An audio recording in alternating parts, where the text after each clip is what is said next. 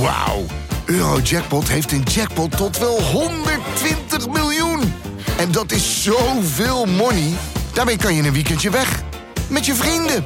In space. Koop je lot in de winkel of op eurojackpot.nl. Eurojackpot. Een spel van Nederlandse Loterij. Speelbewust 18+. Plus. Hey VIZSM-luisteraar. Wil jij genieten van de beste VI Pro-artikelen, video's en podcasts? En wil jij nog meer inzichten krijgen rond al het voetbalnieuws? Word dan nu lid van VI Pro.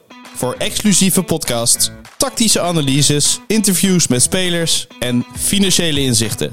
Ga nu naar vi.nl slash zsmpro voor de scherpste aanbieding.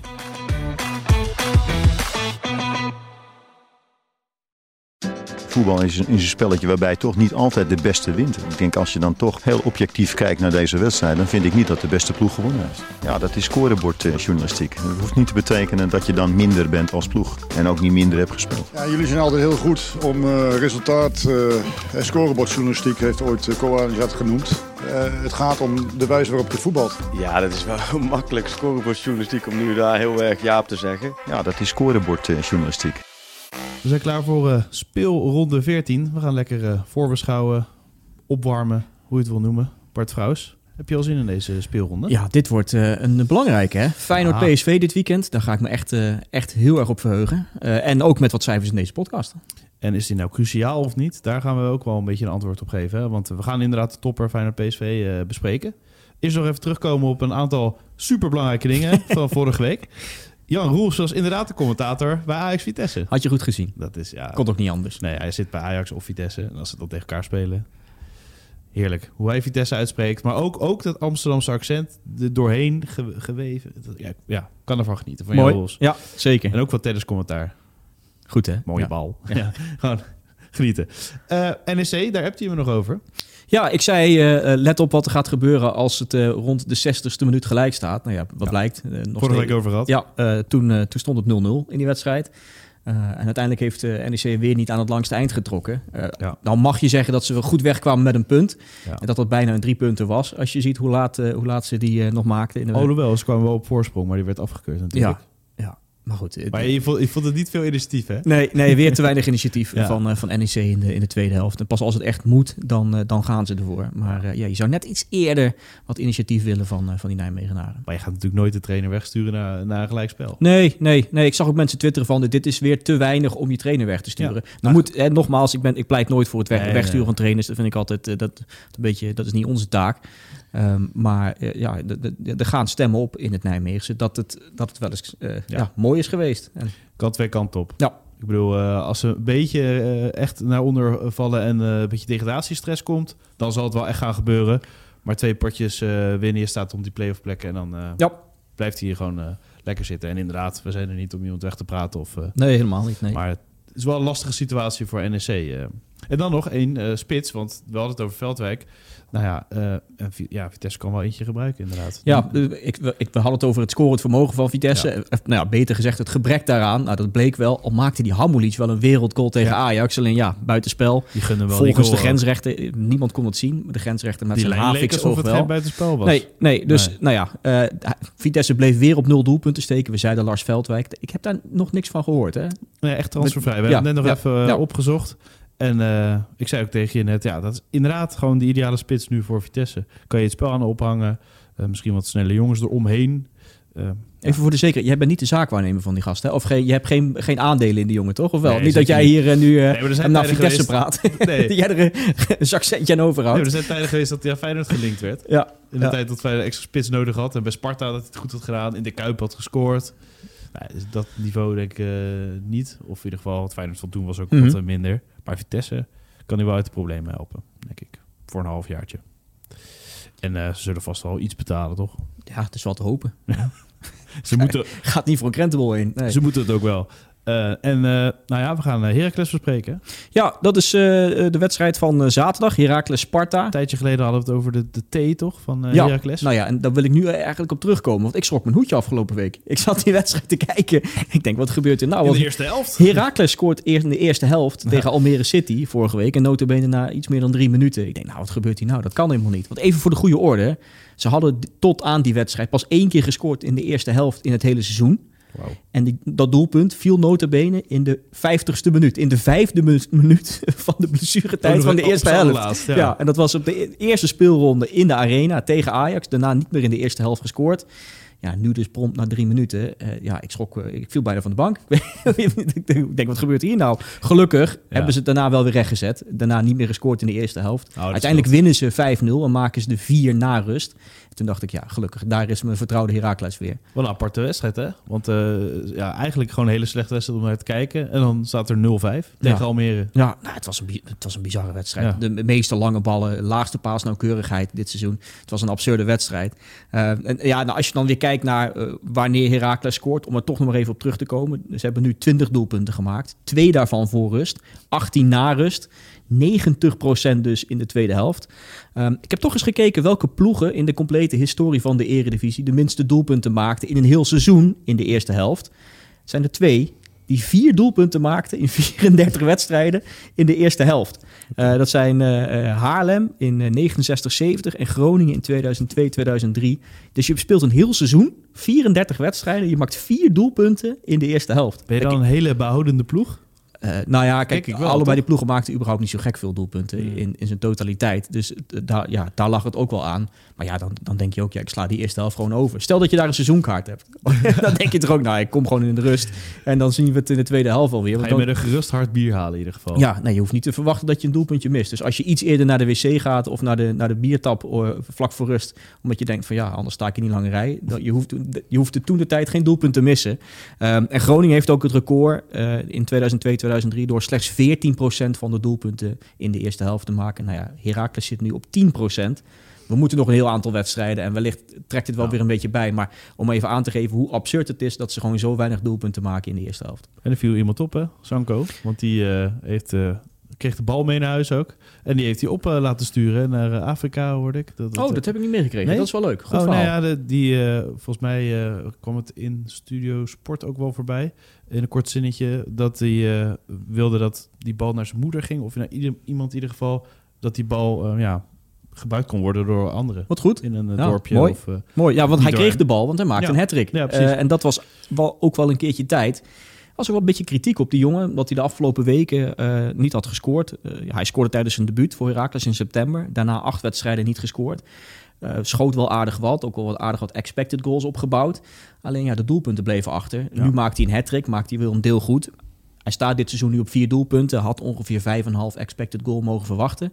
Um, maar hij speelt ook lang niet altijd. En als je dan dat becijfert per 90 minuten, hoeveel kansen die krijgt, hoeveel expected goals die bij elkaar voetbalt, dan deed alleen van de spelers die meer dan 250 minuten hebben gespeeld, dus even nog wel zo'n zo'n cut-off point, om niet de, de, de echte uitschieters erin te hebben, uh, maar van de spelers die dus redelijk wat gespeeld hebben, heeft alleen Jiménez meer expected goals gemiddeld per wedstrijd dan Sanko. En dat is wel opvallend, dat je...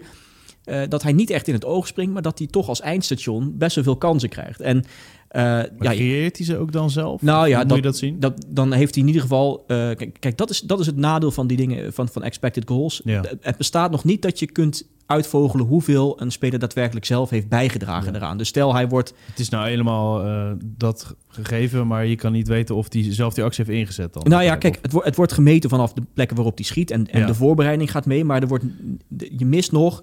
Stel dat hij de bal krijgt, bij spreken op de middenlijn. Uh, hoeveel expected goals het daar zou zijn. En hoeveel dan uiteindelijk als hij schiet, want hij maakt een lange dribbel. Ik geef even Ja, een fictief ja. voorbeeld. En hij komt uiteindelijk op de penalty stip aan. Ja. Uh, hoeveel die dan zelf goed gemaakt heeft in die expected goals. Uh, dat, zou, dat zou nog wel echt een verbetering zijn in dat model. Misschien hebben clubs dat zelf al wel. Kunnen ze dat Hmm. zelf al wel uitrekenen. Alleen met, met de data die wij krijgen kunnen we dat niet, niet uitvogelen. En ja, dan, dan zie je dus dat hij best wel veel creëert. Dat wordt wel een beetje beïnvloed door die gekke wedstrijd van vorige week tegen Almere. Haal je die weg, dan zit hij alsnog op een, op een gemiddelde wat vergelijkbaar is met bijvoorbeeld Bobby. Uh, dus hij komt in een lijstje met, met, nou ja, met de PSV-spelers, met de Feyenoord-spelers, met Bobby, met Pavlidis van AZ. En dan komt daar in één keer Sanko tussen. Die, misschien niet echt opvalt, maar wel heel veel creëert. En nu scoort hij nog wat weinig, maar hij creëert die, eh, hij krijgt die kans in ieder geval. Ja. En ja, dan gaan ze doelpunten misschien wel een keertje vallen. En Beetje dan zoals met Bakayoko, dat je ook kon voorspellen dat die goals en assists eraan zaten te komen. Ja, omdat hij, omdat hij simpelweg veel creëerde Ja. eh, voor ploeggenoten met qua assist en expected assist. En dat hij veel schoot. Alleen, ja, En in een dominante ploeg natuurlijk. dus als bij Herakles net even wat anders, maar die, die gaat wel wat doelpuntjes maken. Ja, dus nou ja, in ieder geval wel opvallende cijfers als in Ja. eh, voor zo'n ploeg, Heracles, waar, ja, de, de, waar het nou niet echt heerlijk voetballen is. Dat zul je zo meteen ook wel merken als we nog even kijken of het lek eh, eh, nu boven is. Is het knap dat hij toch zo vaak in stelling komt en zo gevaarlijk kan worden. Ja, want in het perspectief van, nou met, samen met PEC eh, gepromoveerd. En natuurlijk gewoon, ja, waarschijnlijk in dat rechte rijtje komen ze Mhm. terecht. Misschien aan de bovenkant. Maar inderdaad, is dit een ploeg eh, die er net even bovenuit steekt, denk je? Boven die grijze massa. Ja, nou ja, dat, dat durf ik ook weer niet te Zit ze zeggen. er over- eh, helemaal in. Nou ja, kijk, het grappige is als je kijkt naar welke wedstrijden ze gehad hebben. En we hadden vorige week over zo'n model met, eh, waarin je dan kunt afmeten hoe een ploeg het doet. eh, aan de hand van de eigen resultaten en, en de punten die je. Eh, van de tegenstanders die je gehad hebt. Nou, zoiets kun je ongeveer ook doen. Eh, en dan kun je kijken naar nou ja, wat is de, de sterkte ongeveer van de tegenstanders die je gehad hebt. Eh, dan zijn er maar een paar ploegen die het zwaarder hebben gehad dit seizoen dan Heracles. Dus het is, je kunt zeggen, het is best wel knap dat ze nu in de, ja, in de middenmoot staan.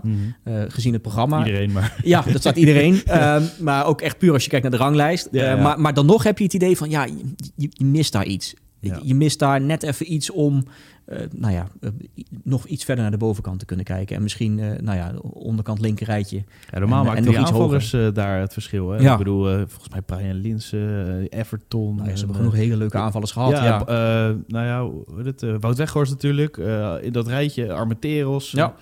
Ja dat, dat, dat heb je nu niet. Dat, dat is misschien net het verschil. Nee, nou ja, en dan is, dan is het juist wel aardig om te zien dat die Sanko het Ja. alsnog best wel goed doet. Uh, ja, alleen, ja, je kunt je vinger er moeilijk achter krijgen, maar je hebt het idee dat, dat Herakles net wat tekort komt om, om te gaan voor, nou ja, plek 8, 9. En, en ja, nu staan ze tiende. Uh, ja, het linkerrijtje wordt, wordt lastig, heb ik het gevoel. Ja. En Michael Brouwer, daar hebben we het inderdaad vaak over gehad. Die heb ik al wat veren in zijn reet gestoken. Maar eindelijk, De nul, hè? Ja. Ja. Ja, dat was wel leuk. Vorige week dan eindelijk een keer een, eh, een clean sheet. Daar zat hij volgens mij lang op te wachten. Nu lukt het. Ja, we zeiden net al, het was een bizar duel. Je wint hem met 5-0, maar als je kijkt naar de cijfers van de clubs die vorige week speelden, hadden zij eh, de minste passes, laagste paasnauwkeurigheid, 57 procent. Bijna de helft van de passes ging de mist in. niet naar de goede kleur zoals iedereen nu zegt. hè? Ja, minst, eh, de meeste overtredingen op Volendam na de minste balcontacten in het strafschopgebied van de tegenstander. Dus het, het was, die 5-0 was enigszins geflatteerd. En je moet nog niet denken dat het lek boven is. Nee, want als je kijkt naar bijna alle cijfers, eh, dan, dan doen ze het gewoon niet zo best. Eh, de meeste schoten tegen, de meeste expected goals tegen. Heel kwetsbaar in de standaard situaties. Dus Hmm. nee, eh, die 5-0 was een hele fijne uitschieter. En een, eh, en een heel mooi resultaat voor Herakles. Mocht ook wel na de afgelopen reeks, waarin ze heel weinig punten pakten. Alleen ja, eh, de, de, de, slingers kunnen nog niet opgehangen worden in Almelo. Nee, die waren wel een beetje opgehangen bij Almere. Hè? Pastoor had het na Ja. afloop eh, heel erg over van... Ja, die jongens zijn echt gaan zweven. Ja, Want, maar ja, je hebt natuurlijk die 2-2 en dan worden al die berichtjes komen op gang tegen, tegen Ajax natuurlijk. Een mooie goal. En eh, ja, ze denken op een gegeven moment eh, komt een beetje interesse. Zei hij ook na afloop.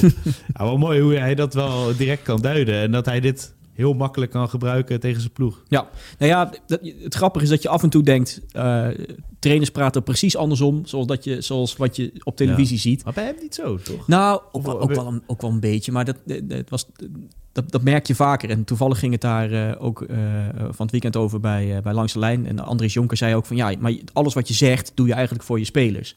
En niet zozeer voor de media. Terwijl je, geeft een interview aan, nou, aan ons, aan, aan ESPN of Ja. wat dan ook. En als je dan verliest, dan zeg je, ja, ik heb lichtpuntjes gezien. Als je wint, zeg je, ja, hier en daar ging het toch nog mis.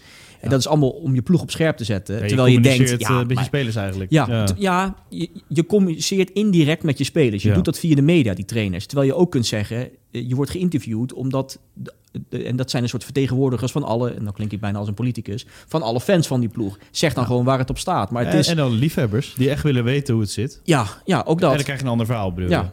Ja. Ja, en dan krijg je... Als je een realistisch verhaal zegt, dan zeg je... Dan zeg je als je dik op je broek krijgt... ja, het was niet goed vandaag, het was slecht. Ja. En, maar ja, het is ook soort... hè, dat, dat, dat werkt niet naar je spelers. Want dan fik je je spelers af. Nee. Dus ja, je, je hebt af en toe het idee dat alles wat je hoort, dat je dan het tegenovergestelde moet denken als een trainer praat. Ja, en welke trainer is er nog een uitzondering in de Eredivisie? Heb je iemand? Eh. Ik bedoel, Peter Bos kan dat echt fantastisch. Ja. downgraden en Ja. een resultaat eh Poeh, goeie vraag. oppoetsen. Heb jij, heb jij een voorbeeld? Mm, ik denk niet dat, dat ja, zoals John van het Schip zo, zo in elkaar zitten ook. Ja, daar heb heb- ik nog ik te heb weinig van meegekregen. aan idee dat recent heel- in ieder geval van zijn interviews. Als het een keer helemaal verkeerd gaat of helemaal goed gaat, hoe dat dan... Slot raakt iets meer geïrriteerd dit seizoen. Dus ik denk niet Ja. dat het voor hem geldt. Maar eerst dacht je altijd... Ik heb precies naar dezelfde wedstrijd zitten Mhm. kijken als Slot. Ja, als hij het uitlegt. Ja, precies. Ja. Dus, dus dat heb je bij tra- trainers vaak niet. Maar nu eh, heeft hij toch wel... eh, hij deelt wat sneertjes uit. Ja, ik ga daar eens over nadenken. Misschien moeten we volgende week eens met een trainer komen die inderdaad zonder mail in zijn mond praat. En als het slecht is, zegt dat het slecht was. En als het goed is, zegt dat het goed was. Ja. Kom Ja. even niet zo op een naam 1, 2, 3. Nou, dat zegt ook genoeg. Trainers, Ja. apart volk. Net als podcasters trouwens. Ja, nou, en, eh, nou, medewerkers van Voetbal International. Goedemorgen, die podcasters. Man, man, man. Die lullen maar wat. De absolute topper natuurlijk. De Ja. nummer 1 tegen de nummer 2. Of andersom eigenlijk. 2 tegen 1. Want eh Feyenoord speelt thuis eh, in de Kuip. Om kwart over 12 al. Ja, wat moeten we daar nou eh, van verwachten? Sowieso het Europese tikje van Feyenoord. Dat zal wel invloed gaan hebben, Ja, ik. hebt, je, je had het er net eventjes over Oh, toen ja. op de redactie zaten. Jij Ja, dacht ja, dat het wel door zou kunnen wegen, hè? Zo'n eh, zo'n tikkie Europees gezien. Ja, ik denk dat dat thuisvoordeel een beetje wegvalt... doordat je echt wel een tik hebt gekregen tegen Atletico. Zo van, eh, iedereen had op voorhand het gevoel... je kan je echt wel meten met Atletico. Mhm. Misschien zelfs wel winnen. Als de Kuip daarachter eh, stond. Maar je zag wel echt een heel duidelijk kwaliteitsverschil. En dat kan in zo'n groep wel een beetje twijfel brengen, toch? Ja, ja. Aan de andere kant, En PSV heeft, eh, ja, was ook slecht... maar die draait gewoon helemaal om. Dus dan zit je in de winning eh, mood. ja. Eh, ja, ja, je had vorig jaar die wedstrijd, die, eerste Europese wedstrijd van Feyenoord, waarin ze in Rome volgens mij compleet Lazio, ja. weggepoetst werden. En 4-2. dat dat, dat dat toen gebruikt werd als een soort eh, eikpunt van, nou ja, Ja. kijk, als we wat willen, dan moeten we naar dit niveau toe. Mhm. Ik wil niet zeggen dat die wedstrijd tegen Atletico ook zo'n soort eikpunt is, maar het is wel eventjes Ah, wel echt om te een eye-opener die, Ja. kan, die, die kan zeggen van, nou ja, oké, dit niveau moeten we proberen te halen. Kunnen we Europese subtop aan? Ja, nou, nog net maar niet. ja, dus. en, en, en dit soort eh, PSV is ook zo'n soort tegenstander. Waarvan Misschien je, eh, misschien wil niet zeggen dat ze op het exact hetzelfde niveau zitten, maar Lazio- wel, nou. wel zo'n belangrijke pot. Misschien tussen het niveau van Lazio en Atletico in. Ja, misschien, ja. ja. Maar meer, meer in die zin dat je, dat je weet van... oké, we spelen nog niet tegen, tegen eh, Excelsior of tegen Almere City. Nee, we spelen tegen PSV. En dat is een, een wedstrijd die je van, van Europees, op, op Europees niveau moet benaderen. Ja. Ehm, dus ja, ik kan me voorstellen dat je aan de ene kant... nu klink ik bijna als een trainer trouwens... een tikkie hebt gekregen. Maar aan de andere kant dat je denkt... ja, als dit nou het niveau is waar we aan moeten... en we dat afgelopen keer niet gehaald hebben... wat, wat Ja. moeten we dan iets beter doen om dat wel aan te kunnen tikken? En Kan dat het dat ook misschien ook wel zou werken. ja. Ik, klink echt als een trainer, hè? kan het gebruiken Man, man, man. Ik snap die trainers nu al eigenlijk. En omdat we het ook zo gewend zijn om van twee kanten te bekijken Ja. natuurlijk. Maar goed, de cijfers hoef je niet al aan twee kanten te bekijken. Wat valt er allemaal op bij deze, deze topper? Nou, wat ik grappig vind aan, aan, eh, aan de competitie is dat er vaak gezegd wordt: eh, ja, je wordt kampioen tegen de kleintjes. Dat klopt ook wel. Eh, als je kijkt bijvoorbeeld PSV vorig jaar, Zijn wat, er wat die voor punten lieten liggen tegen, Ja. tegen de onderste drie ploegen. Gewoon de onderste drie ploegen uit, allemaal verloren PSV. Emma Cambuur. Eh, en Groningen. Ja. Groningen uit ook verloren. Ja, ja, ja. Ehm, dus ja, kampioen word je tegen de kleintjes, daar valt wat voor te zeggen. Maar wat ook grappig is, is hoe belangrijk de wedstrijd is tussen de nummer 1 en 2 aan het einde van het seizoen. De kampioen tegen de nummer 2. Als je dan terugkijkt naar wat de resultaten zijn geweest in die wedstrijd, in die wedstrijden, in die dubbele ontmoeting. En wat voor invloed dan had kunnen hebben op het seizoen. In, eh, ik heb de laatste 20 jaar gekeken. In 15 van die laatste 20 jaar was die wedstrijd tussen de nummer 1 en 2 eh, van doorslaggevend belang in de strijd om de titel. En we hebben hier een tabelletje voor ons, hè? Ja, Heb je, die, zelf- heb je die dan ook zelf eh, gemaakt? Dat tabelletje. Ja, ja, Zo, zit, ja, zelfs zit, puzzelen. aardig wat eh werk in. Ja, eh, ja dat, kost, eh, dat kost wat tijd om dat, eh, om dat voor elkaar te krijgen. Nou, vorig jaar was het gat tussen kampioen Feyenoord en nummer 2 PSV 7 punten. Oh ja. Maar de- daar, daar had je het idee dat de klassieker, eh, dat Feyenoord won bij Ajax, juist de doorslag gaf. Dat Ajax daardoor afhaakte. Ja, en, en Misschien gek. voor de goede orde, het is ook niet altijd dat het echt puur om de nummers 1 Nee. en 2 gaat. Je had dit het seizoen 2006, 2007, waar de drie clubs kampioen konden worden. Ja, ja. Dat, dat is weer zo'n zo'n eh, gekke uitzondering. Maar Kees als je puur even kijkt naar, ja, als je puur kijkt naar de nummers 1 en 2, dan, dan ja, speelt zo'n wedstrijd zo'n groot belang in zo'n seizoen dat het, eh, het, het- ja, twee keer winnen en je bent kampioen, twee keer verliezen en je, en je staat tweede. Ja. Dus nou ja, van de laatste 20 jaar 15 keer dat zo'n wedstrijd van doorslaggevend belang was. Eh, Ja, voor in- de luisteraar inderdaad gewoon heel veel groen en, ja, een paar eh, neetjes Ja. met rood. Ja. Nou ja, noem eens een voorbeeld. Eh, nou ja, in 2021, 22 eh, Ajax werd kampioen op een gat van twee punten met PSV. Ajax won die twee wedstrijden. Ja, Eh, twee is helemaal ja, en vaak genoeg. belangrijk. Kijk, en het punt is ook wel dat dit ehm, opvallend is, eh, zou je ook kunnen zeggen, ja, het is opvallend omdat het gat tussen nummer 1 en 2 de laatste jaren heel klein is. Als je teruggaat naar, als je, de, eh, als je teruggaat naar nog iets verder, eh, rond de eeuwwisseling, dan had je gewoon vijf seizoenen op rij dat het geen verschil uitmaakte of je nou die wedstrijden met de nummer 2 verloor, want je werd toch wel kampioen. Simpelweg omdat het gat tussen nummer 1 en 2 gigantisch was. Ja. Alleen de laatste jaren merk je dat het wat dichter bij elkaar zit en dat, het, dat de competitie spannender is. Nou ja, je hebt een paar uitzonderingen. Eh 2021 was het verschil 16 punten tussen nummer 1 en 2. Eh 14, 15, 17 punten. Kijk, dan maakt zo'n wedstrijdje tussen de nummer 1 en 2 eh, Ja. geen, geen verschil. Maar in 12-13 was het verschil hetzelfde, hè? Zeven punten. Dat was toen tussen Ajax en eh, PSV. ja, maar dat verschil is dan omdat Ajax die die twee wedstrijden wint. Ja. Sla je die, als PSV die twee wedstrijden had gewonnen, dan had het, had het, een, had het een groot verschil gemaakt. Eh, Ja. Dus ja, het, het verschil kan al snel 12 punten worden. Eh, Mhm. Twee keer winnen of twee keer verliezen. Nou, dan dan eh, heb je een, goede swing. Ehm, maar ja, om even aan te geven, ja, kampioen word je tegen de kleintjes. Maar die topwedstrijden zijn wel degelijk van, van groot belang. En ja, juist daarom extra veel zin in dit weekend. Ja? Ja. Ga je dan lekker vroeg zitten? Ja, ja Je- zeker. ESPN eh, vroeg aanzetten, goedemorgen programma en dan Ja, nou ja, ik, ik, ik, zit, ik, ik ga naar Hilversum en ik ga daar vroeg ja. heen, zodat ik de wedstrijd daar goed kan kijken. Ja. Uitzending begint dan ook wel eh, wat vroeger, toch? Van, Ja. eh, langs de lijn. Langs de lijn begint om kwart over twaalf uur, kwart over twaalf. Eh, Ja. Dus integraal die wedstrijd mee, mee, kun je meepakken op de radio. We hebben het vaker over gehad, Feyenoord en vroege wedstrijden. hè? Maar in, in toppers is dat nog, nog anders? ja nou, daar zat ik, net, ik zat te denken uit mijn hoofd. Wanneer is voor het laatst die wedstrijd zo vroeg gespeeld? Gebeurt niet. Nee, mij. eigenlijk niet. Nee. half drie gewoon. En, Ja, hebben ook geen va- risicopot. Nee, nou jij hebt vaak dat Utrecht, eh, Ajax bijvoorbeeld, om, Ja. om, eh, om kwart over twaalf wordt Volgens gespeeld. mij, eh, ja, dat was geen topwedstrijd. Met ADO was ook kwart over twaalf, omdat het risico was bij Ajax en bij Feyenoord. Maar PSV... eh, ja, ik vind, maar ik vind dit eigenlijk ook een wedstrijd die gewoon zondagmiddag half drie gespeeld moet ja, worden. klassieke tijdstip. Ja. ja. En dat was de afgelopen jaren ook stevast het geval. Alleen ja, eh, nu voor het eerst sinds februari 2016 dat een topper of een klassieker. Dus we gaan het over de wedstrijden tussen Ajax, Feyenoord en PSV. eh, op, eh, op het vroege tijdstip op zondag worden gespeeld. Voor het eerst dus sinds februari 2016. Eh, toen was het Ajax Feyenoord. Die werd trouwens ook nog om half één gespeeld. Want toen bestond kwart over twaalf Nee, nog niet. Dus ja. dat is pas later. Ehm, ja, ik, moet, ik vind dat... Ja, ik heb hier niks over te, zeggen- over te zeggen. Het zijn Nee, burgemeesters nee. die dat doen. Spreiding Ja, ook. en, en Voor spreiding. ESPN. Ja. Ik, ik snap het allemaal. Maar zo- zo'n wedstrijd voor je gevoel moet dat gewoon de half drie wedstrijd zijn. Kan er ook iets langer naartoe leven. Ja. Ben je wat fitter. Ja. Want eh, op zaterdag... Oh, heb je je- lust een bakkie af en toe? Nou ja, ik bedoel, in het algemeen. In heel Nederland is dat voetballen Ja. geweest. In de kantine gehangen of eh, voetbal gekeken. Maar goed, eh, ja, dan kan je nog een bezoek plannen uh, s morgens. Of naar de kerk gaan voor mensen. Ja, dat kan allemaal niet, hè? Nee, nee. Maar goed, het is misschien een extra nadeel voor per PSV natuurlijk. Want dag minder rust, reis terug. En ook de reis naar Rotterdam. Ja. Dus ja, dat- en het is ook niet dat- je een uitwedstrijd eh, speelt tegen Lille... waar je, waar je zo eh, heen en weer Nee, kunt rijden of vliegen. nee, ik weet niet nee. hoe ze daarheen zijn. Volgens mij gingen ze met de bus daarheen. Eh, je zit nu in Sevilla, dus je moet, eh, je moet vliegen. Eh, nou ja, de, de hele, de hele alle gekkigheid die bij zo'n vlucht komt kijken. Dus ja, PSV in dat opzicht een beetje in, in het nadeel. Nou, ja, je hoort in je, in je hoofd dan weer dat stemmetje van Raymond Verheijen... met per- periodi- periodisering Ja, roepen. ja, Ik weet niet of jij dat ook hebt. Zeker. Eh, nou, ik heb toch eens gekeken als PSV een uitwedstrijd heeft gehad in Europa en daarna drie of vier dagen later een, eh, een, een wedstrijd speelt in de Eredivisie, hoe het dan gaat. Mhm. Eh, nou, als je puur kijkt naar de laatste twintig wedstrijden, dan hebben ze er maar drie in drie maar punten laten liggen en eentje maar verloren. Dat was tegen Groningen. En de andere wedstrijden allemaal, eh, allemaal gewonnen. Dus heb- het is ook ja. niet dat het een gigantisch probleem is voor PSV. Maar ik kan me voorstellen dat je als bos zijnde wel gaat nadenken... oké, wat moeten we doen met het reizen? Uh, hoe gaan we de spelers fit houden? Gaan we uh, nog in Sevilla slapen? En gaan we... Lozano is ook afgehaakt bijvoorbeeld. Ja, Door gaan... de Europese ja, wedstrijd. die is ook gewoon helemaal uitgewoond. Want die speelt Ja. eerst een interland aan de andere kant van de wereld. Ook. Daarna een Ja. competitiewedstrijd. Dan weer Champions League. Ja, het is niet heel gek dat hij dan een keer omvalt. Hè? Lang is de vraag of hij erbij is. Dus, ja. Ja. En heeft PSV nogmaals al dat Bakayoko geen tweede geel kreeg. Dat, zo, dan was het inderdaad... Zeker nu je weet dat Lozano... Uh, geweest. Maar de, het wordt Vit, uh, Vitesse. Vertesse uh, Bakayoko. Waarschijnlijk dan. Dus, ja, dat zit er dik in. Ja. Kan bijna niet anders.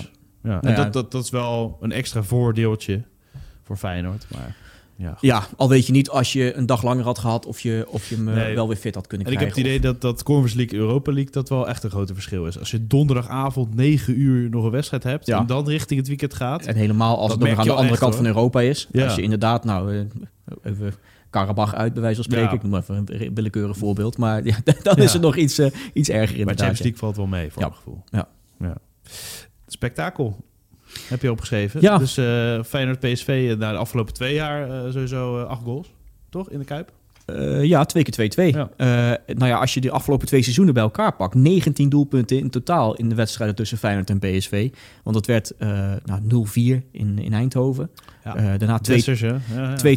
twee keer 2-2 in de Kuip. Vorig jaar won PSV 4-3 in Eindhoven. Dus doelpunten genoeg. En ook als je kijkt naar überhaupt wat ze dit seizoen aanvallend laten zien. Qua doelpunten sta, staan PSV en Feyenoord mijlenver voor op de rest. Ook qua expected goals staan ze echt, nou, echt een straatlengte tussen de rest van de eredivisie. Um, en ook nog grappig. voetbal wel wat accentjes anders, toch? Ja, zeker. Nee, ja, het is niet dat ze helemaal hetzelfde spelen. Eh, maar het is wel grappig dat ze allebei het aanvallend gezien zo absurd goed doen. Eh en Feyenoord heeft ook gewoon in, in 50 jaar, meen ik, niet zoveel doelpunten gemaakt eh, als, als dit seizoen. Ja, en dan denk je, nou, in- normaal gesproken zou je de, de, de meest scorende ploeg zijn van de eredivisie. Maar ja, dan Ja. staat PSV er nog even iets boven. Ja, als Feyenoord heb je helemaal geen goed gevoel eigenlijk, terwijl het een goed seizoen is. Ja, grappig is dat, hè? Je steeft volgens mij af, wat was het nou, 84 punten of zo? In ieder geval dik in de 80. Ja, en ook qua doelpunten echt een ongekend moyenne. Maar ja, er is Historisch nog gezien. één ploeg die net iets beter is eh, nu in het Ja. afronden de laatste tijd. Ook wel grappig dat dit ook nog weer de ploegen zijn. Ze scoren al veel, ze creëren al veel. Maar ook nog eens de ploegen die het meeste pech gehad hebben... met de meeste schoten op de paal of lat. Ehm, maar ja, als je dat soort cijfers allemaal in je hoofd neemt... Hè, dus hoeveel aanvallend ze kunnen, pr- kunnen doen... eh, en, en, de aantal goals wat je nu in de afgelopen twee seizoenen... 19 stuks hebt, eh, hebt voorbij zien komen... Wordt 0-0. dat zou je bijna zeggen. Het kan niet anders dan dat het 0-0 wordt, inderdaad. Nee, ja, dat, je, dat je hoopt op, eh, op veel doelpunten. En, en, en de streak, dat die nog doorgezet wordt. eh, dat er in de 96e minuut gescoord wordt. Want dat was eigenlijk het verhaal van de afgelopen twee jaar. Hè? Twee Des- keer Feyenoord. Ja, twee keer Ja. Feyenoord in de, in de 96e minuut in de Kuip naar 2-2. De afgelopen twee seizoenen. Dat was zo het? Ah, middag was het nog, ja. Want Dessers, nou, Ajax en PSV waren nog aan het strijden, toch? Voor, voor, voor de titel. Feyenoord hielp Ajax eigenlijk met die, die strafschop van Guzebuurk. Die, ja, was dat Hens eigenlijk niet, volgens mij. En dat Dessers er nog binnenschoot. Zat iedereen in de Kuip. Ja, bijzonder, hè? Ja. Handen in de lucht en naar beneden. Maar ja, je moet zelf maar de derde plek binnenslepen. Ja. Gemengde Wat, jouw gevoel, eh, maar wat is jouw gevoel bij deze wedstrijd eigenlijk? Ja, ik, ik denk niet dat, dat Feyenoord toch gaat winnen. Ehm, en dan heb je dat thuisvoordeel en misschien wat minder rust voor PSV. Dus dan denk ik dat, ik, dat het uiteindelijk een gelijk spelletje eh, wordt. En nou, het, het is dus eh, twee keer op rij eh, 2-2 geëindigd. 3-3. Jij gaat weer voor 2-2? 3-3. Helemaal top. Kees Kwakman. Top. Nee, ja, eh, eh, maar- ja, niet te voorspellen, maar ja, ik, ik denk een gelijkspel. Ja, grappig. Hey, Ja. ja, en als het, als het 3-3 wordt, gaat Jiménez een doelpunt maken? Ja, ja, tuurlijk. Als, ja, als Nou ja, je zegt tuurlijk, maar... Is dat niet gebruikelijk? Nou ja, meer als ik hem, als ik hem afgelopen week in de Champions League zo zag rondlopen. Ja, maar bij Excelsior maakt hij een hat Ja, nee, dat klopt. Dat klopt. Maar Ja. ik vond hem in de Champions League was, het, eh, was, het, Nou ja, was hij bijna onzichtbaar. Wat Atletico goed doet, is nu gewoon heel het centrum volbouwen en nog iemand met hem he- mee laten lopen. Dus er is iemand bij hem en er is nog ingekapseld Ja. ook. Alles via de zijkant. Ja. Ja, nou ja. Dat, dat, dan is hij kansloos, maar ik acht PSV ehm, ja, niet zo goed verdedigend dat ze dat kunnen. Het Jiménez. Nee, dat- ik denk dat, in, dat je dat is geen hot take om te zeggen dat Atletico iets beter verdedigt dan PSV, hè? lijkt Over het algemeen. Al moet je wel nageven. alsof ze er 16 hadden tijdens het verdedigen. Ja, al moet je nageven, PSV krijgt bijzonder weinig schoten tegen. Ja. Eh, pas, eh, pas een handvol doelpunten tegengekregen in de Ja. eredivisie. Klopt. eh, Benitez. Kijk, je kunt zeggen dat de, dat de centrale verdedigers van PSV misschien niet top zijn. Maar Benitez keept, een, keept een, echt, een, echt een goed seizoen. Staat ook bovenaan in die expected goals, prevented lijstjes. Doet het, doet het goed. Geen spectaculaire keeper, maar wel echt gewoon goed. En altijd eh, ja, bepaalde al, al zag hij er dan weer tegen, tegen Sevilla ook weer Ja. even bij die 2-0 niet heel best uit. Hè? Nee, nee. Nou, grappig hoe dat werkt. Ehm, nou ja, we hadden het over, over Jiménez eh, tegen, tegen Atletico. Niet één schot. Was voor het eerst in het shirt van Feyenoord dat hij 90 minuten speelde en niet één schot noteerde. Hoeveel Om- balcontacten waren het in totaal? Ja, in- ook in niet de zo rust gek was het veel. 50 of zo. Balcontacten? Ja? Nee, nee, nee. Altijd een stuk minder. Nee, hetzelfde, eh, hij zal er- ergens geëindigd zijn rond de 20, 30 uit mijn hoofd. In ieder geval waren het er maar drie in het strafschopgebied van, eh, van Atletico. Nou, dat is voor 90 minuten zeker veel te weinig voor, eh, voor, dat spits, voor spits van zijn kaliber. Oh, vijf. Sorry, Ja. ik dacht dat je 50 Volgens zei. mij was het in de rust dat hij er vijf Oké, had. oké. Ja.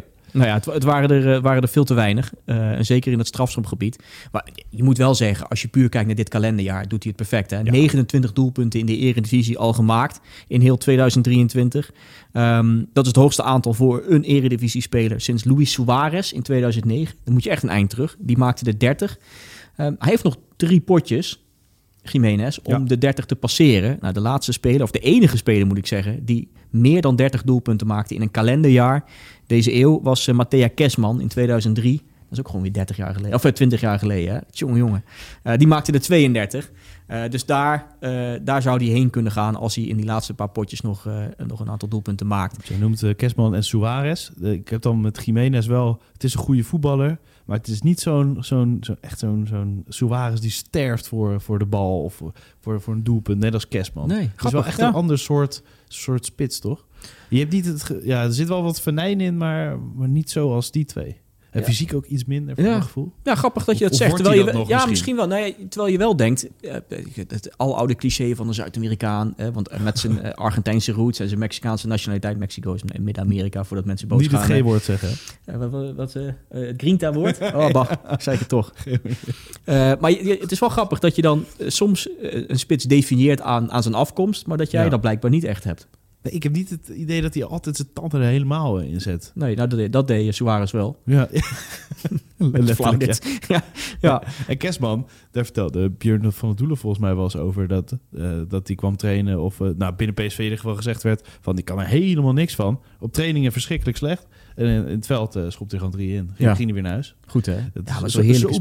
bijzonder ja. eh, soort spitsen. Ja. Maar dat heb je bij hem wel minder voor mijn gevoel. En nog even eh, om het belang aan te geven van, dit, van deze wedstrijd. We zeiden al, kampioen word je niet alleen tegen de kleintjes, maar ook tegen de grote. Het gat kan dus 10 punten worden. Er is in de Eredivisie twee keer een ploeg kampioen geworden na een achterstand van 10 punten. Ajax onder Frank de Boer 11 punten zelfs? Of niet? Eh, ja, nou ja, het, het, het lullige daarvan in die, die seizoenen, want het gaat inderdaad, de twee keer dat het gebeurde, was het Ajax in Oh ja. 11, 12 en 12, 13. Ja. Alleen ja, je zit dan wel altijd eh, met een oneven aantal wedstrijden. Dus de ene ploeg heeft dan net even iets meer Oh, ja, wedstrijden gespeeld dan de ander, waardoor het een beetje uit het lood is. Maar als je puur kijkt naar, je had zoveel punten na 14 wedstrijden, of na 13 wedstrijden, of na 12 wedstrijden, ik noem maar iets. eh, dan is het gat 10 punten of meer. Nou ja, en dat is twee keer voorgekomen en twee keer was het Ajax die uiteindelijk eh, alsnog eh, kampioen werd. Je, de Victor Fischer jaren en zo, toch? En, Oeh, Tobias Sana en dat soort de spelers. krochten allemaal. van, Ziek door Son. Van de slechte buitenspelers van Ajax nu komen we Ja. terecht. Ja. Nou, toch Mooi. kampioen. Hey, je, hebt- je, hebt, je hebt een voorspellingje gedaan, 3-3? Het. Ja, ja, ja, ik eigenlijk wil 2-2 zeggen, maar dat zegt iedereen de hele tijd. Dus ik zeg maar 3-3. om, Nou, eh, teken, eh, teken ik direct voor. Ja? Ja, ja, ja als een neutrale toeschouwer eh, natuurlijk sowieso. Dan hebben we nog eh, twee ploegen die eh, thuis extreem eh, sterk zijn. En die spelen tegen elkaar. Maar ja, dan gaat Go Ahead eh, met de winst vandoor, want die spelen thuis. Ja, het, het, het, het zou leuker zijn Is als ze het allebei... gewoon- Ja, weet je wat je zou moeten doen? Want het is Go Ahead Twente, zondagmiddag half drie. Wat je zou moeten doen is dat je allebei een helft van je stadion meeneemt. ik weet niet of dat kan. Dat je allebei het idee hebt dat je thuis speelt. Dan krijg je echt een topwedstrijd. het is wel twee keer Engelse sfeer. Ja, ja nee, zeker. en eh, ja, bij Go Ahead zeker. Nou ja, het, het mooie is hoe goed eh Go Ahead nu, eh, dit, dit, zeker dit kalenderjaar... Want vorig jaar begonnen ze wel een beetje stroef in eigen huis. Lieten ze nog wel punten liggen. Dit jaar doen ze, het, doen ze het echt heel goed. 15 duels gespeeld in de eredivisie voor eigen publiek. Maar één keer verloren, dat was tegen AZ. Als je kijkt naar het aantal, gemiddeld aantal punten... wat Go Ahead thuis pakt in, eh, in dit kalenderjaar... dus in heel 2023... eh, dan hebben ze het bijvoorbeeld beter gedaan dan AZ, dan Ajax in hun eigen stadion. Alleen PSV, Feyenoord en Twente hebben nog meer gemiddeld punten gepakt voor eigen publiek dan, eh, dan Go Ahead. Dus ja, dit, Geen dit, schande soort, natuurlijk, maar... dit is nee, absoluut geen schande. En eh, ja, ze hebben nu al 34 punten voor eigen publiek gepakt. Eh, nou, dat is het hoogste aantal sinds 1981. Toen hadden ze, de, nou, ik moet zeggen, de laatste keer dat ze er meer hadden was in 81. Toen hadden ze de 38. Eh, het record gaan ze niet meer halen. Maar ja, met nog twee thuiswedstrijden kan het zelfs nog naar 40 punten gaan in, in één jaar. Eh, in eigen stadion. Ja, is echt goed. En ja, we hebben het wel vaker gehad over dat het zo'n gekke ploeg is. Met nou, dat je veel expected goals tegenkrijgt. Ja. Dat, je, dat je niet zo gek veel balbezit hebt en dat dat soort vliegen er dingen. eigenlijk meer in dan je verwacht. Ja, maar ja, als je daarmee de punten pakt, eh, voor- vooralsnog, dan, ja, dan kun je alleen maar zeggen René Haken wereldtrainer. Ja, ja, en hoe lang kan dat nog eh, doorgaan, denk je dan? Hè? Maar inmiddels ja, zijn we misschien wel over eens dat dat gewoon blijft gebeuren. Dan. Nou ja, ik, ik verwacht nog steeds dat er nog wel ergens een keer een kink in de kabel komt. Puur als je kijkt Dat is naar... het systeem gebroken, Bart. En nu? Ja, misschien. ja, ik, ik, ben benieuwd of dat gaat gebeuren. Eh, of, dat, of, dat, eh, eh, of, dat, eh, ja, of ze die soort terugslag krijgt die, eh, eh, krijgen die je wel verwacht op basis van de data inderdaad. Ja, en eh, als het dan even tegen zit, dan hebben ze altijd nog eh So, hè? Mooi is dat. Hè? Jij zei nog vorige week, eh jij appte mij nog van we moeten het over die Silasso hebben. Omdat dat eh, zo'n mooie, mooie speler is. Ja. Gewel, hij maakte, eh, even voor de goede, goede orde, hij maakte tegen NEC de openingstreffer. Ja. Het leuke is, hij komt uit Nijmegen. Gaf Ja. na de hand ook een geweldig interview over dat hij zo, zo voelt bij de club. En dat, hij, dat hij met de bus naar, naar Nijmegen reed. En dat hij zo, zo bijna vol trots tegen zijn ploeggenoten zei... Ja, dit is mijn stad. En kijk eens hoe mooi het hier is. Eh, terwijl als je in Deventer woont, ook een schitterende stad. Dat zijn twee Eh, mooie steden, ja, ja. Eh, dus ik, ik kan me voorstellen dat je denkt, als, als je daar in Deventer woont en die gast zegt, als je Nijmegen binnenkomt rijden, is een mooie stad. Ja, we, hebben we wonen zelf ook in een wereldstad. Hou eens op. Maar wat mooi is, wat Go Ahead goed doet, is scoren in het laatste half uur. Ze hebben er 13 gemaakt dit seizoen. In het laatste half uur. Nou, alleen PSV en Feyenoord hebben er meer. Dat is geen schande. En je zou kunnen zeggen dat dat laatste half uur... dat dan eigenlijk de Silla Show begint. Hè, die Mooi, heb, hier heb ik op mooi, geoefend. Die heb ik echt weken, weken op gebrainstormd. Want eh, nou ja, dat is een beetje de periode waarin hij eh, mag invallen. Want hij komt vaak van de bank. eh, en, en dan zijn ding doet, namelijk scoren. Hij heeft weinig kansen nodig, Silasso. Hij heeft er acht keer geschoten dit seizoen. Zes daarvan gingen tussen de palen. Vijf keer was het raak. Er is één keeper. Dat is een beetje voor de, voor, de, voor de mensen thuis. Denk er eens over na. Er is één keeper die dit seizoen een schot van Silasso wist te keren. En die naam hebben we al genoemd. Oké, oké. Dus eh, ik geef even iedereen de tijd zo meteen om erover na te We denken. hebben ook maar één keeper genoemd. Ja, nou ja, dan weet iedereen dat het, dan weet iedereen dat het Michael Brouwer van Heracles is. Ehm, nou ja, wat leuk is, ehm, eh, nog los van het feit dat hij, dat hij dus eh, zo goed doet als bankzitter eh, en, en als invaller, dat hij naar een record kan gaan. Oh. Hij, hij staat nu op vijf en eh, hij speelt dit weekend tegen Twente. Nou, daar staat de andere invaller topscorer van dit seizoen, Volkswinkel? van Wolfswinkel. Ja. Ze staan allebei op vijf doelpunten als invaller. Je hebt bij allebei het idee van wanneer eh, sta je nou weer een keer in de basis? Heb je dat niet? Ja, ja bij, maar al snap ik bij Twente wel de situatie met Ja. en heel veel geld waard. En eh Volkswinkel die, ja, 90 minuten kan die wel aan, maar niet elke week weer, denk ik. Nee, Dus dan- het dan begint ook wat ouder te worden. Ja, het is best wel lekker om hem dan elke keer na een uur te brengen. Het is ook wel heerlijk dat je zo'n jongen nog kan brengen. Hè? En hij wil het zelf ook wel, eh, toch? Zo op deze manier. Nou, hij zou willen spelen, natuurlijk, maar... Ja, ik zit nu hard op, hard op de brainstorm. Maar als hij echt graag wil spelen, dan weet ik wel een club die scorend vermogen kan gebruiken. ja, ja, ja. Eh, nou ja, allebei dus of Utrecht, hè, trouwens. Of maar, Utrecht, Maar dat is door eh, onze collega's, volgens mij van Tubantia, al uit de wereld geholpen. Oh, De leden tevoren zei van, ja, waarom zou Twente hem nou eh, verhuren of wegdoen? nee, ja, dat lijkt ook niet. nul reden Nee. voor. Nou ja, misschien als hij zelf begint te morren, ja, dan eh, Ja. en zelf echt heel graag wil spelen. Maar hij heeft heel erg naar zijn zin. En eh Ja, dan moet hij- ligt goed in die groep, volgens mij. Dus ja, Nou, en als hij wil snuffelen aan een record, want dat zit er wel in dit jaar. Als hij op de bank blijft zitten, dan zou het zomaar kunnen. Eh, want nou, ze staan allebei, Silasso en Ricky van Wolfswinkel, op vijf doelpunten als invaller dit seizoen. Het record in een heel seizoen in de Eredivisie is acht. Dat werd neergezet door Erik Meijer in 94-95 bij PSV. Giorgio Samaras, uit de Mooie categorie speler. eh, ken je die nog? Eh, ken je deze topper nog? 2004, 2005 bij Lasse Heerenveen. Nielsen eh, die tijd. Ja. Ja, en, en Klaas-Jan Huntelaar, 2019, 2020 bij Ajax. Die maakten allemaal acht doelpunten als invaller. Maar de gemene delen van deze seizoenen is dat je nog geen, geen vijf keer mocht wisselen. En dat is nu wel het geval. Er wordt Ah, simpelweg ja, ja. meer gewisseld. En daardoor, is het gek dat het nog niet eh, verbeterd is. ja, dat is, dat is wel Het vreemd is nu al inderdaad. twee seizoenen zo. Ja, iets, iets langer. Dus het is Maar sinds, sinds corona ja, eigenlijk. Ja, ja, dus sinds corona mag je, mag je vijf keer wisselen. Ja, de, de eerste seizoen was 2020, 21. Ah, ja. Dus we zijn nu... eh, Dus net na Huntelaar eigenlijk. Ja, Ja, Ja, anders had Huntelaar het misschien wel kunnen doen. Eh, en Huntelaar had ook het probleem trouwens dat 2019 werd, eh 2019 20 werd voortijdig afgebroken door Ja. corona. Anders had hij misschien het record al wel gepakt en misschien wel naar 10 gezet, ik noem maar iets. is misschien AZ-kampioen geworden, als Ja. het allemaal niet was gebeurd. Nou, dat zou ook nog zomaar kunnen. Het leuke is even een beetje een zijstap van, van Go Ahead Eagles. Eh, ik wil tot slot nog even hebben over die wissels die scoren. Ehm, als je kijkt naar het aantal doelpunten van invallers dit seizoen, is dat bijna 1 op de 5. Ne- bijna 19% van de doelpunten dit jaar wordt gemaakt door een invaller. Dan denk je, ja, hoe kan ik dat inschatten? Hoe hoog is dat? Nou, in de periode dat je ongeveer, dat je ongeveer dat je nog drie keer mocht wisselen, dus in het drie wisseltijdperk, zat dat percentage schommelde een beetje tussen, nou ja, ongeveer 9 tot 11 procent. Het schommelde een beetje. Het ene jaar had je, had je een paar goede, goede topschutters die van de bank kwamen, andere jaar niet. Maar het zat ongeveer tussen de 9 en de 11 procent, ruim gezegd. Dat is wel een verschil.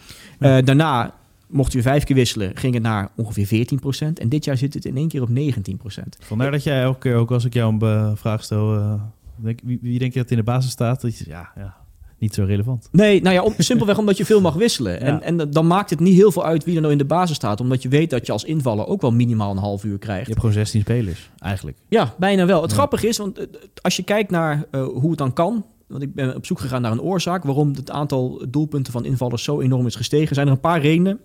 Ik zal er snel doorheen gaan. Simpelweg omdat trainers nu meer wisselen. Eh, de eerste jaren dat je, dat je vijf wissels mocht gebruiken, waren trainers nog wel terughoudend. Eh, Het kon zijn Ja. dat ze niet zo'n brede bank hadden, niet helemaal wisten hoe je daarmee om moet gaan. Het is toch een best wel forse regelwijziging. En nu durf je. Dus je eerst, ja, Ja. dus eerst was het 7,5 wissel per wedstrijd voor beide ploegen in totaal. Nu zitten we dit jaar al op 8,8. Dus er komen al meer spelers het veld in. Maar ja, dat kan zelfs nog gaan stijgen. Want je mag Ja. dus, je kan in theorie op 10. En met die witte wissel, als er een hoofdletsel is, in uitzonderlijke gevallen zou je in theorie zelfs 12 keer kunnen wisselen. Er is nooit echt misbruik van gemaakt. Hè? Maar daar denk ik wel eens over na. Als, als je al vijf wissels hebt eh, gepleegd en dan als iemand even aan zijn hoofd zit. Het, het kan wel. Zeker. Het zou een truc kunnen zijn om iemand, eh, om iemand nog te kunnen wisselen. Een andere reden is dat er simpelweg eerder gewisseld wordt. Eh, Voor, waar voorheen in het driewisseltijdperk nog rond de 60ste minuut de eerste wissel kwam, is dat nu ongeveer vijf minuutjes eerder dat de eerste wissel komt. Dus Dus wel echt vroeg. Ja, Ja. ja. eh, en ja, omdat wedstrijden langer duren, omdat er nu meer blessuretijd is, is er simpelweg ook meer tijd voor die invallers om te scoren. Dus als je dat soort dingen bij elkaar optelt, is het niet gek dat er dit jaar meer wordt gescoord door, eh, eh, door invallers. En dat soort, dat dat soort records, zoals de invaller topscorer, snel gaat sneuvelen. En er zijn ook nog een hele hoop andere records die ook een beetje op de tocht staan. Die onder andere door Silasso verbroken kunnen worden. Silasso is dit jaar al twaalf keer ingevallen. Dat is bijzonder echt veel. veel. Ja, het record in een heel seizoen is 30 keer. 30 keer. 30, moet je, dus hij ligt op schema. Hij moet niet te vaak een basisplaats gaan krijgen. Dat is even het eh, advies ook aan, aan haken. Dat hij niet meer is, denk ik. Maar, Als, eh als Silasso dat record wil gaan, eh, gaan vestigen of gaan verbreken. het record staat op naam van Romano Postema. 30 keer namens Groningen ingevallen in 2021-22. Dan eh, ja, dan is het gewoon zaak voor zo om altijd op de bank te blijven zitten. En rond de 60ste minuut te komen. Zijn doelpuntje te maken. En dan als een grote gevierde man weer terug naar, naar Deventer te rijden. maar zouden er nou ook meer bidons gaan sneuvelen trouwens? Want die zei die, die vroege wissel, eh, na 55 minuten dus eh, ongeveer. Eh, ja, dat is wel ongeveer de periode dat je nog boos kan worden. Dat je ge- gewisseld wordt, Ja, toch? Zo ja. van net na rust, frustratie. Wat Of wat doe je hebben nou? Ja, of, of hebben spelers ook zoiets van... Ja, we mogen vijf keer wisselen, dat wordt ook normaler of zo. Ik denk dat je daar, ik denk dat je daar wel heen gaat, inderdaad. En dan nog, kijk, als je, als je in de, na 30 minuten al gewisseld wordt, dan kan ik me voorstellen je even een kratje bidons Tikkie, omtrapt. of net als Pelle die dugout kapot Ja. sloeg, of een ruit. Of een eh, ruiter intikt, eh, zoals Pieters. Ja, Pieters, ja. ja, Pieters, dat kan ook nog. Eh, nou ja, er zijn nog wat andere records. Kenneth Perez is de meest gewisselde speler in de complete historie van de Eredivisie. Vind ik altijd een leuke statistiek. Stef Nijland is de speler die het vaakst in het veld kwam. Ook een leuke statistiek. En eh Luis Openda is bijvoorbeeld de speler Ja. die in één seizoen het meest werd gewisseld. Die kon echt nooit de wedstrijd volmaken. Nee. Inmiddels wel, hè? Die werd 28 keer gewisseld in één seizoen. Dat is ook wel knap. Als je ook nog denkt, ja, je mist een paar wedstrijden. Je speelt bijna nooit alle 34 wedstrijden van, eh, in, in de basis. Dus dat je dan ook nog 28 keer gewisseld kan worden in één jaar, dat is ook wel knap. Nou ja, dat soort records, om maar even aan te geven. eh, hoe kwamen we hier? Oh ja, via Silasso. En als invaller, nou, invallers scoren meer. Dit soort records gaan er ook aan. En ja, let daar eens op als je weer mensen ziet invallen van... hé, hey, ja, hij mag nu eerder komen. Er mogen er meer komen. Ja. En eh, ja, wat, wat doen ze? Gaan, ze? gaan ze veel scoren? Let maar eens op, eh, op scorende invallers dit weekend. Mooi. En eh, liet jij je graag wisselen of werd je boos? Lacht er een beetje aan. Ja? Soms was ik ook wel gewoon als Romario een beetje moe. oh ja, ja, ja. Eh, en en eh, ik zat ook vaak genoeg eh, toen ik wat hoger voetbal op de bank hoor. Dus dat, eh, toen was ik blij dat ik erin kwam. Voor mij was die vijf wisselregel echt top geweest als het wat eerder was gebeurd. Dan had ik misschien wat meer minuten gemaakt in de hogere elftal. In de, selectie, in de hoge selectieteams. Ja. Ik ben er echt mega slecht in. Ik kan er echt niet tegen. Als je Ook naar het al, bankje gaat. oh, ja, ook al kunnen we gewoon doorwisselen, bijvoorbeeld bij het team waar ik nu speel. Ik heb altijd het idee van, eh, ja, maar ik, ik, volgens mij kan ik nog wel wat betekenen. Ik zat er lekker in, Ja, ik zat er lekker in. Nou ja. Kijk, als je gewisseld wordt, aan zich is het niet zo erg. Zonder als je maar niet hoeft te vlaggen.